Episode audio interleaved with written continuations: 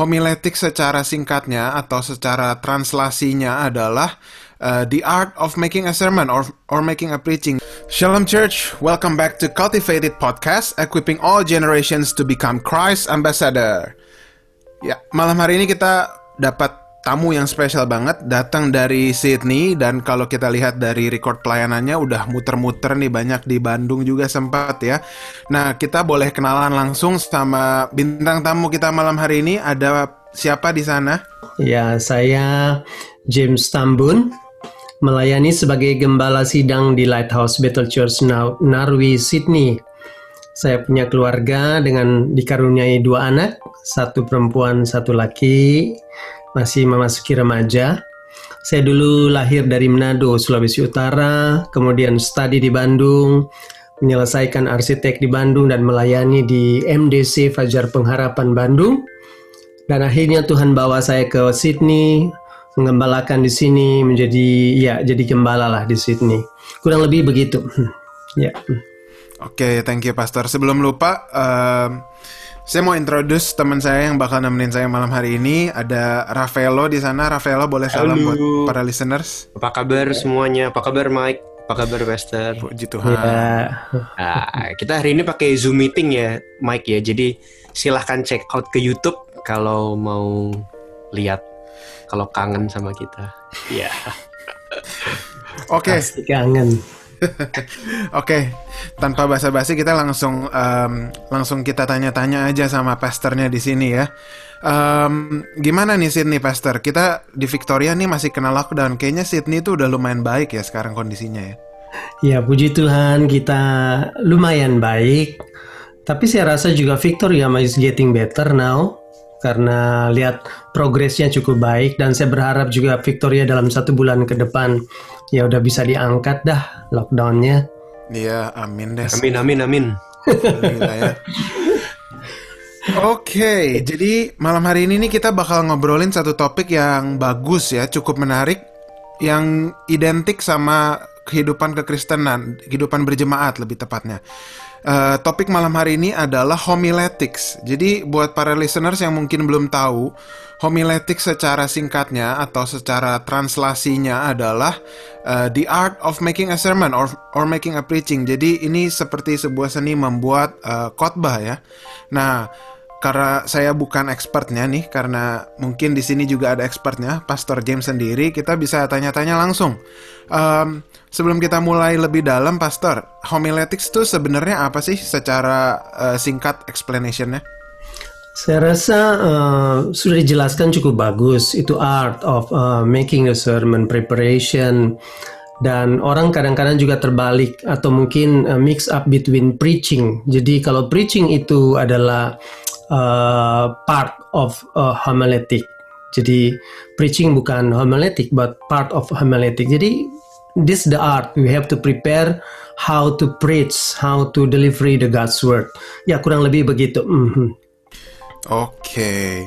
um, ada nang ada nggak nih kira-kira pastor punya sermon sermonnya pastor yang salah satu favorite lah Uh, saya rasa saya suka sekali dengan apa yang saya sampaikan tentang perempuan Samaria karena itu hasil research dan out of the box. Amin, amin berbeda dengan apa yang sudah disampaikan oleh banyak preacher lah ya uh, tentang perempuan Samaria. Salah satu favorit saya itu. Hmm. Hmm, oke okay, oke. Okay. Dari dari perspektif secara homiletics, kenapa pastor suka sermonnya? Uh, karena saya melihat bagaimana orang menjustifikasi seorang wanita dalam Alkitab perempuan Samarita Samaria itu sebagai seorang pelacur. Dan saya merasa terusik dengan itu karena Alkitab didn't mention anything about dia prostitute or not. Jadi saya coba untuk digging more saya cari dari uh, konteks uh, historical kemudian dari konteks uh, cultural juga. Dan saya temukan kadang kita clear kita menjadi uh, apa ya kita punya pikiran itu lalu justify people terus suka just people. Dan itu ada dalam kehidupan orang Kristen sampai hari ini. Hmm. Jadi itu yang mendasari saya melihat bahwa homiletik itu membawa kita pada satu kebenaran. Apa yang tidak diucapkan oleh Alkitab kita tidak boleh ucapkan. Apa yang diexplain oleh Alkitab we have to explain to people. Iya. Yeah. Oke, menarik banget ya, menarik ya. Um, kalau gitu, secara singkat deh, aku mau nanya, mungkin ini agak ini, boleh nggak spend satu dua menit? Aku jadi tertarik itu kan uh, wanita Samaria itu dari John 4 ya. Iya, betul. Hmm. Inti inti dari khotbahnya itu sendiri buat aku juga something yang uh, mungkin banyak dikotbahin tapi ada beberapa khotbah yang benar-benar strike through my heart. Jadi mungkin pastor boleh istilahnya kayak apa yang membuat pastor itu merasa ini tuh something different gitu dari orang lain. Apa intinya dari Oke, okay, uh, eh, karena banyak orang menganggap perempuan Samaria ini sebagai prostitute dengan ada berapa reason. Pertama, dia datang pada tengah siang hari, kemudian dia punya dia sekarang tinggal dengan suami uh, dengan seorang pria yang bukan suaminya. Dua hal ini yang membuat saya rasa orang langsung ambil conclusion bahwa dia adalah seorang pelacur. Sedangkan kalau kita melihat Alkitab bahwa datang siang hari sebagai seorang wanita itu tidak seharusnya sebagai mengindikasikan dia takut dan sebagai seorang pelacur.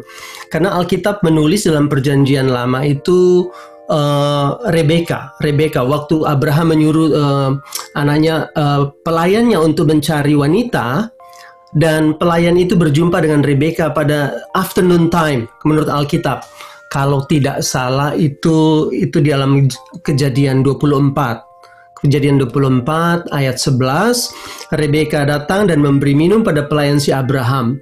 Nah, kalau kita samain dengan Samaria, perempuan Samaria, apakah Rebeka seorang pelacur? Itu saya punya hal yang pertama.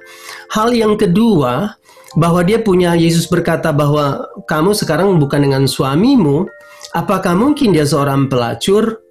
Karena pada zaman dulu bahwa yang mengambil mandat untuk divorce or no itu bukan perempuan, itu seorang pria.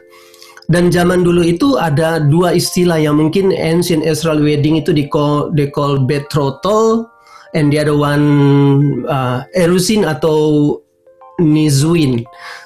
Erusin itu like like engagement dan the second one is nizuin itu lagi wedding formal. Nah between yang the, the first one ke the second one itu bisa terjadi satu bulan, dua bulan, tiga bulan, satu tahun. Bisa aja wanita ini telah engage dengan somebody, tapi bisa aja suaminya mati karena sakit, karena dibunuh orang, karena pergi perang, atau dengan alasan lain. Dan saya melihat dalam studi literatur, saya temukan bahwa dalam dalam literatur Yahudi, dalam kisah to, Tobit, buku Tobit, orang Katolik pakai ini, ya, buku Tobit itu diceritakan seorang wanita sampai punya tujuh suami.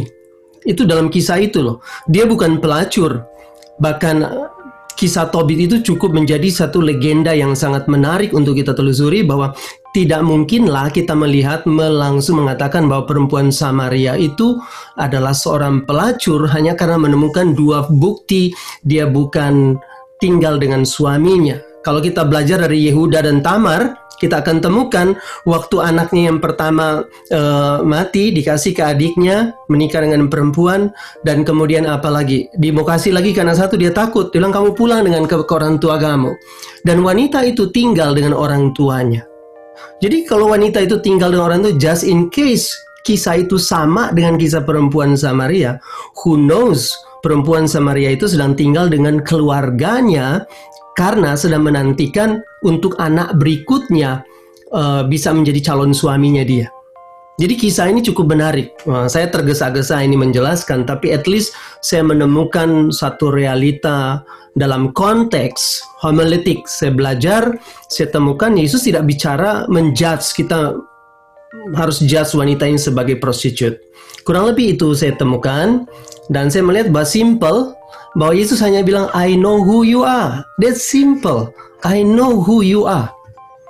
Saya pikir itu message yang ingin Yesus sampaikan bahwa I know you, your past, and I know you what you are looking for, and I will provide what you are looking for. Ya kurang lebih begitu ya yang saya dapatkan. Hmm. Oke, okay, thank you so much, Pastor. Wah, shalom, Pastor. Halo. Ya, shalom, Rafael. Uh, ya nih, aku mau nanya, Pastor uh, tadi kan Pastor juga mention kan preaching itu part of uh, homiletic gitu kan Ya, ya. ya, mm. Mungkin siapa tahu nih pendengar kita tuh ada yang even nggak tahu apa itu preaching gitu. Mungkin kita boleh balik lagi ke basic. Jadi what is preaching actually, Pastor? Dan apakah preaching itu tuh sesuatu yang hanya dipakai oleh orang-orang Kristen atau sebenarnya uh, nggak juga? Jadi mungkin non Kristen pun tuh bisa preach gitu, Pastor. Ya, general speaking sebenarnya preaching itu bisa dipakai oleh siapa aja. Tapi in in term uh, if we are talking about Christianity, ya preaching itu is the proclamation of, of the word of God. Uh, jadi yang saya rasa itu sangat penting bahwa dalam preaching adalah proclamation of the word of God. Jadi senternya itulah word of God, not me as a preacher, not people as as the anything else, but this supposed to be word of God. Ya, itu yang saya rasa harus kita bedakan dengan eh, apa ya, yang orang bisa punya kemampuan untuk berkomunikasi, public speaking, atau apalagi motivator, but dia mungkin nggak proclaim proclaim the God's word. Iya, iya, iya. Ya. Um, berarti in that case, uh, apakah orang yang ini mungkin uh, lebih detailnya nanti kita boleh bahas, nanti kita boleh Ya, bahas ya, ya, Pastor. Cuman silakan. berarti apakah kalau kita misalnya lagi ngomongin uh, cool gitu ya, Pastor ya, uh, apa komsel mungkin kalau buat teman-teman Iya. yang nggak- nggak yang nggak tahu cool, cool itu komsel gitu, persekutuan doa gitu. Apakah itu berarti termasuk preaching juga walaupun yang sharing itu bukan pendeta gitu misalnya. Walaupun mungkin yang sharing tuh ya cuman student gitu, Pastor. Apakah itu termasuk preaching? Preaching itu bisa dilakukan oleh siapa aja, tapi preaching itu bukan for everybody. In term of kalau kita mengatakan bahwa preaching itu eh, berbeda dengan sharing. Kalau sharing kita samain dengan preaching, so everybody can can can preach ya. Jadi kalau saya itu saya bisa membagi bahwa preaching itu bisa siapa aja, ndak harus pendeta. Tapi ada catatan juga kalau preaching itu tidak bukan berarti itu buat semua orang bisa lakukan preaching karena ada ada ada pertanggungjawaban secara teologi moral, etik, and everything yang di situ ya. Hmm. Iya iya iya. Ibaratnya orang bisa ngaku-ngaku preaching tapi ya orang bisa ngaku-ngaku pemain bola yang jago tapi ya belum tentu benar-benar diakui gitu ya misalnya ya Pastor ya. Karena Uh, memang di kekristenan di kekristenan kita tidak ada satu lembaga yang me- melabel oh ini preacher atau tidak. Hmm. Tapi setiap firman Tuhan yang kita sampaikan itu kan harus dipertanggungjawabkan. Iya iya iya. Jadi Menarik. as a preacher we have uh, more apa responsibility. Itu yang harus kita. Saya bicara tentang holiness. Kalau hidup saya nggak holy, bagaimana? Ya. Nah, gitu. Iya iya. Lalu sebagai seorang uh, pendeta Pastor uh, mungkin sudah sekian tahun uh, uh, bagiin sermon gitu ya Pastor ya.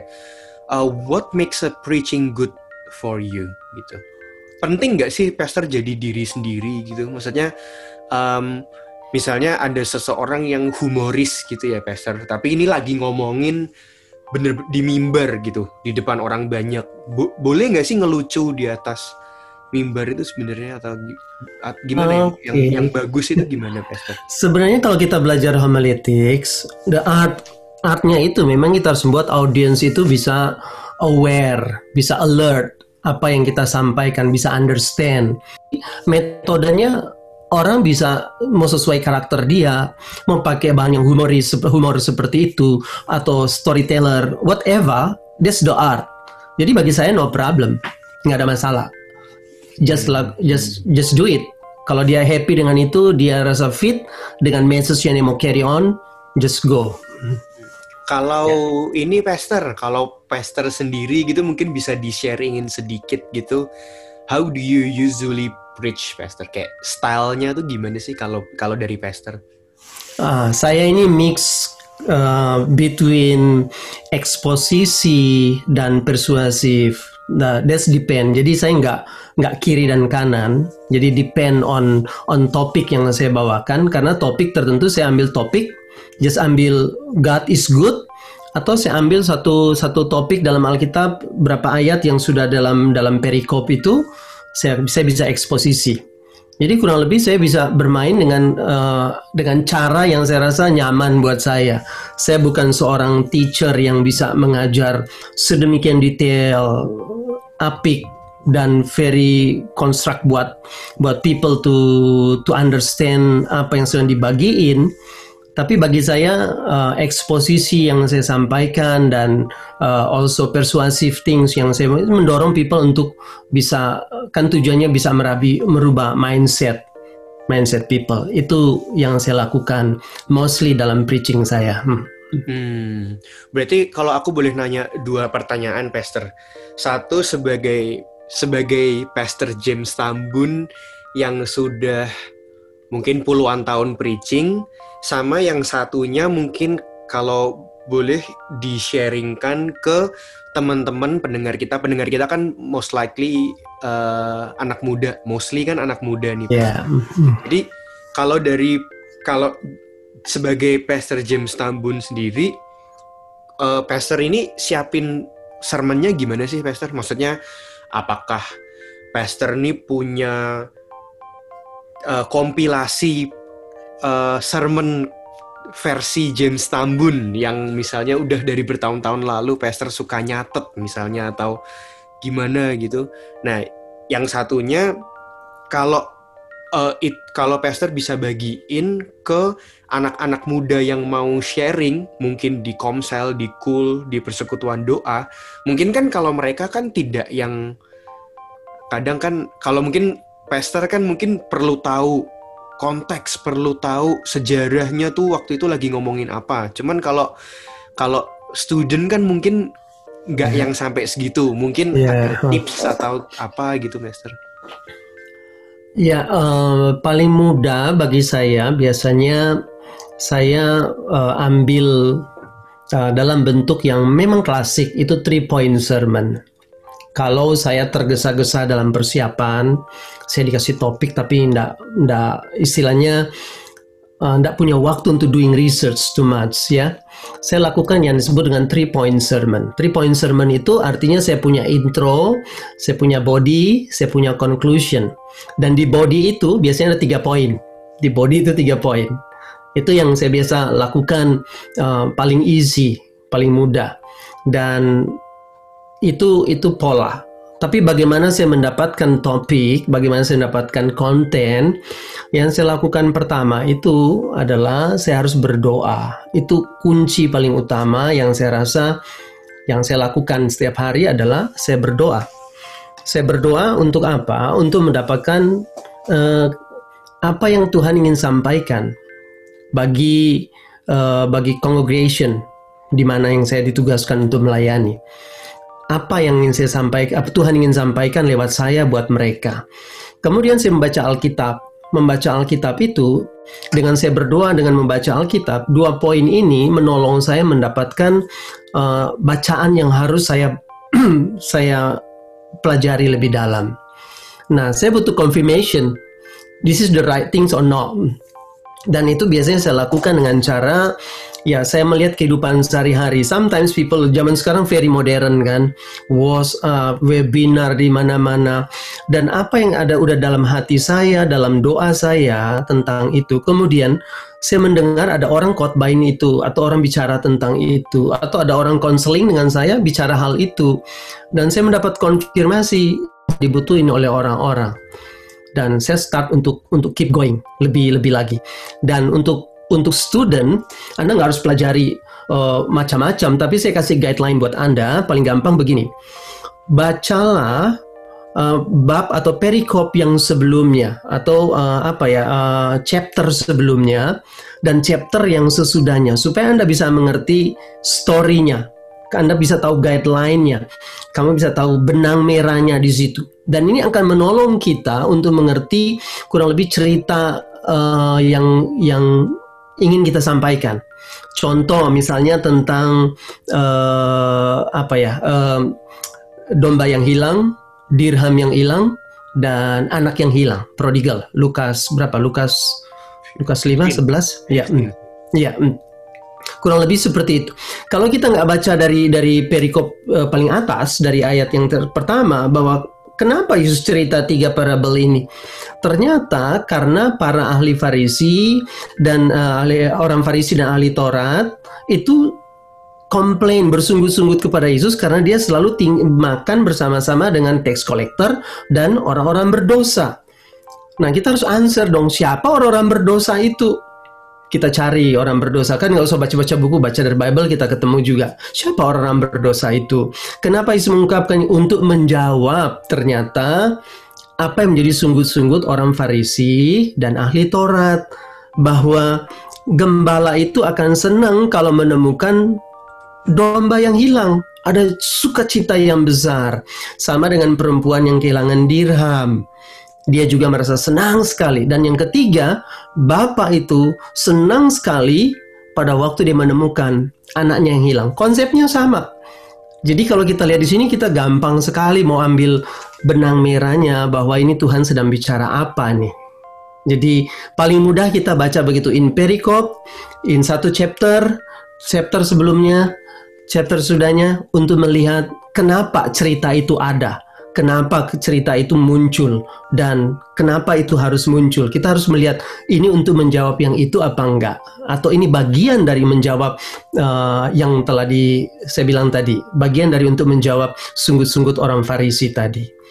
Jadi kurang lebih begitu paling mudah untuk menolong kita memahami Alkitab adalah membaca Alkitab in konteks. Kemudian kalau itu di Injil, di Gospel, bacalah. Kalau dia ada di Matius, ada di Markus, Lukas, bacalah mereka dengan paradigma yang berbeda. Jadi ada Matius, Markus, Lukas. Bacalah semua untuk bisa melihat angle yang berbeda, view yang berbeda, supaya kita bisa mengerti tentang uh, message yang akan disampaikan. Ya kurang lebih begitu. Hmm.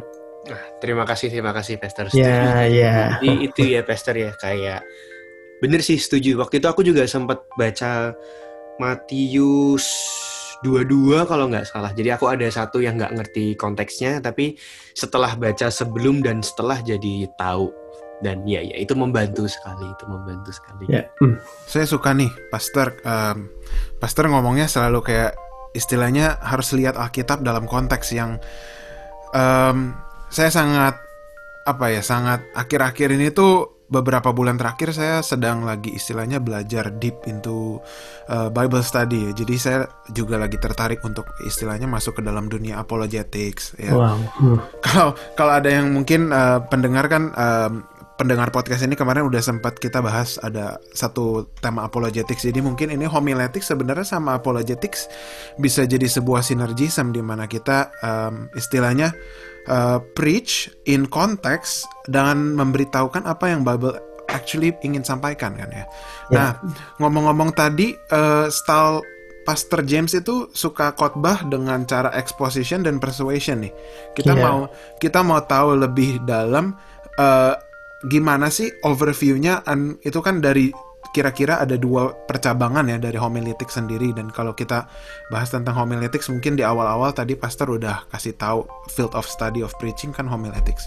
Nah, dari stylenya yang pastor suka aja deh favorit. Um, gimana overviewnya, how to do that, how to do actually exposition, expository preaching or persuasion preaching, and mungkin ada teori-teori singkatnya deh yang bisa dibagiin ke pendengar. Oke, okay, um, ya sebenarnya kalau ingin menjelaskan tentang bagaimana lakukan eksposisi itu sangat terlalu pendek untuk untuk kita punya interview sekarang. Tapi mungkin persuasif lebih mudah. Makanya saya kasih contoh three point tadi, three point yang klasik. Ini paling klasik sekali. Three point itu paling mudah karena three point itu kan cuma ingin menjawab. Uh, saya kasih contoh tadi misalnya uh, bisa perempuan Samaria juga bisa. Bisa juga yang tadi apa yang hilang. Nah, yang perlu kita jawabkan itu uh, sebenarnya who jadi itu W ya 5W and 1 H ya how what, where, uh, apalagi uh, why. Kita jawab semua itu, who dan how, untuk menjawab untuk menjawab apa yang kita dapat di dalam firman Tuhan. Jadi siapa itu orang berdosa? Berita ini buat apa Yesus menjawab? Eh, Yesus menceritakan tiga parable ini. Oh ternyata untuk itu. Tapi kalau kita terakhir kita akan temukan bahwa ada dua golongan ternyata orang kalau dalam contoh tadi ya persuasif itu isi sekali eh, karena kita akan temukan begini. Ternyata ada golongan yang tidak menyukai orang-orang ditemukan kembali, orang yang hilang ditemukan kembali. Oke? Okay? Ya, ada golongan seperti itu. Orang yang pertama kita akan temukan bahwa orang itu adalah orang Farisi dan ahli Taurat. Tapi kalau kita baca terus pasal itu, kita membaca sampai ending, ada satu pribadi yang ternyata tidak happy juga dengan kembalinya anak terus anak-anak bungsu yang hilang itu. Siapa dia? Anak yang sulung. ya. Jadi kita lihat kalau kita mencari garis benang merahnya, ternyata anak sulung ini bisa menjadi kategori sama golongannya dengan orang-orang Farisi dan ahli Taurat, tidak menyukai, tidak bergembira, tidak senang dengan adanya orang yang sudah kembali. Nah, dalam konteks kita bicara tentang Alkitab, dalam konteks ini kembali kepada Bapa, Bapa yang pencipta langit dan bumi, maka kita akan bilang begini, ternyata ada golongan orang dan itu bukan hanya para para teolog, bukan para pengajar, tapi juga ada orang-orang kita punya brother hari-hari ini dalam gereja yang sudah kelihatan aktif melakukan kegiatan bapaknya, pekerjaan bapaknya, ternyata juga nggak happy kalau lihat orang mengalami pertobatan. Nah itu kan simple, persuasif sekali kita bisa bisa changing people untuk oh iya ya ternyata seperti itu. Nah, dengan cara ini kita membawa people untuk mengerti konteks. Konteks, tapi kita bisa melihat, bisa poin. Poin number one, ada golongan orang yang tidak menyukai uh, orang dekat dengan Bapa.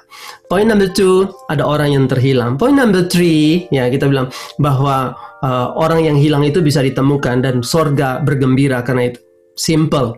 Bagaimana caranya melakukan itu? Nah, baru kita kasih step by step. Kurang lebih dengan persuasif itu menolong kita jauh lebih mudah menyampaikan tidak serumit dengan kalau kita bisa eksposisi. Eksposisi itu saya belajar berapa puluh buku ya, saya nggak tahu.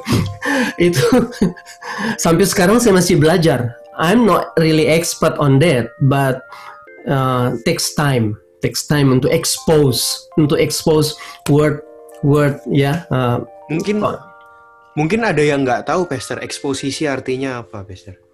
Oke, okay, saya kasih uh, simple aja bahwa kalau eksposisi itu kan kita nggak ambil topik, nggak topik kita ambil dalam satu konteks perikop cerita. Cerita, saya balik aja cerita tentang perempuan Samaria. Perempuan Samaria itu Yohanes pasal 4. Perempuan Samaria itu kita mulai expose first by first apa yang akan disampaikan supaya kita bisa mengerti, memahami bahwa dengan mengekspos apa yang ada di situ kita bisa mengerti uh, behind the scene-nya. Apa yang sedang terjadi pada waktu itu. Waktu Yesus berjumpa dengan perempuan itu ada di mana? Di sumur. Sumur apa? Di daerah mana? Kota mana? Itu kan begitu. Kenapa itu penting? Karena itu sumur uh, Yakub misalnya seperti itu. Dan bagian percakapan dimulai, kenapa Yesus mulai-mulai percakapan ini? karena Yesus tahu tentang perempuan. Itu kita mau expose semua. Dan itu takes time. Untuk in perikop kita mau ambil. Tapi kalau saya ambil dengan three point classic method saya tinggal bilang perjumpaan dengan Yesus merubah hidup seseorang. Point number one.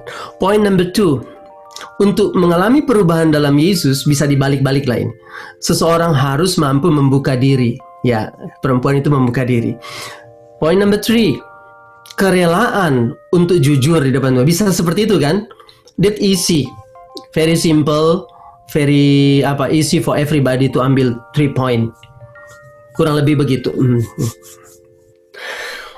Nah, nah Pastor, ini untuk kita uh, istilahnya conclude our meeting today nih. Um, yeah, mm. Saya mau minta tiga poin persuasif dari pastor untuk orang-orang yang mau belajar homiletics.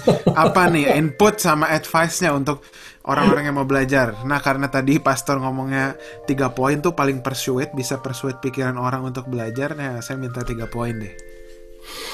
Oke, okay, apa ya uh, supaya belajar? Hmm. Jadi poin yang pertama adalah hmm, yang harus kita sadari bahwa hidup itu adalah belajar. Kalau kita tidak belajar, kita tidak hidup. In everything ya, in everything. Itu harus menjadi poin yang pertama dalam hidup kita untuk challenge kita bisa belajar. Ya, kita belajar in everything. Not just preaching, not just homiletic, but this encourage you to learn ya bahwa belajar itu itu kalau kita orang hidup pasti belajar kalau kita nggak belajar kita nggak hidup anda gagal ingat kalau anda gagal anda belajar kegagalan this good tapi kalau terus-terusan anda bodoh Kenapa? Anda harus belajar kegagalan orang lain supaya Anda nggak perlu lewatin masalah yang sama dengan mereka.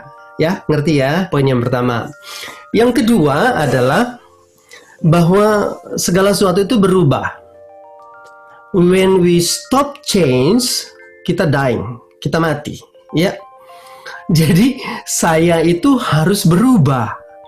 Berubah dalam arti lebih baik, ya, lebih mature in Christ, lebih bagus in preaching, gitu. Itu kan konsepnya begitu ya.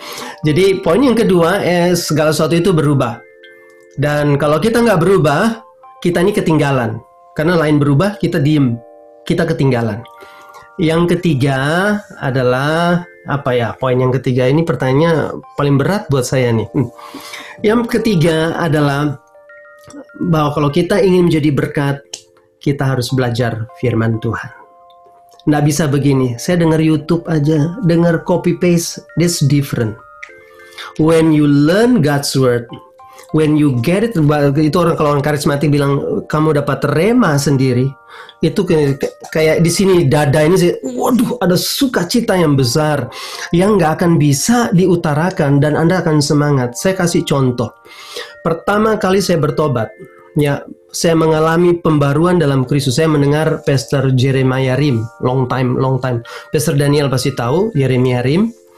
Uh, waktu dia khotbah pertama kali hati saya itu seperti terbakar. Yang pertama kali saya lakukan apa? Tuhan bawa saya untuk berjumpa dengan orang yang mau mengenal Yesus. Nggak ada yang mau ketemu saya gitu. Caranya bagaimana? Saya pergi ke hospital. Saya pergi ke hospital. Saya berdoa di hospital sebenarnya Tuhan tolong saya Tuhan supaya saya bisa ketemu dengan orang ini. Saya dapat firman Tuhan kan. Waktu itu saya dapat dari yang kisah para rasul asal satu kamu percaya maka seisi keluargamu akan percaya kan. Saya dapat waktu itu begitu. Saya temuin orang sakit. Yang saya tanya, kamu mau mulai jamahan Tuhan, mau mengalami kesembuhan nggak? Itu yang saya yakinin pada waktu itu ya. kan masih masih baru. Jangan bicara tentang doktrin dah. Pokoknya itu yang saya dapat. Saya dapat rema saya kerjakan mau disembuhkan nggak? Mau, siapa nggak mau di hospital? Begitu saya tanya dia sakit apa? Kanker. Gila, saya pikir, waduh, Tuhan kanker, kanker waktu zaman itu penyakit yang bisa belum tersembuhkan, bagaimana bisa sembuh? Sambil takut, tapi sambil, aduh, gimana ya, udah di sini, udah kadung gitu. Jadi saya mulai berdoa buat dia. Tapi saya ingat, sebelum saya berdoa, saya bicara tentang Injil saya bicara tentang Injil. Orang itu, bapak-bapak itu menangis karena ternyata dia dulu orang Kristen. Terus tinggalin Tuhan. Saya kan nggak tahu nih bapak ini siapa. Jadi waktu saya mengisahkan itu, waduh dia nangis. Dia menangis, dia terus begitu sampai ini bapak mau terima Tuhan Yesus. Dia terima Tuhan Yesus. Tiga bulan kemudian dia meninggal.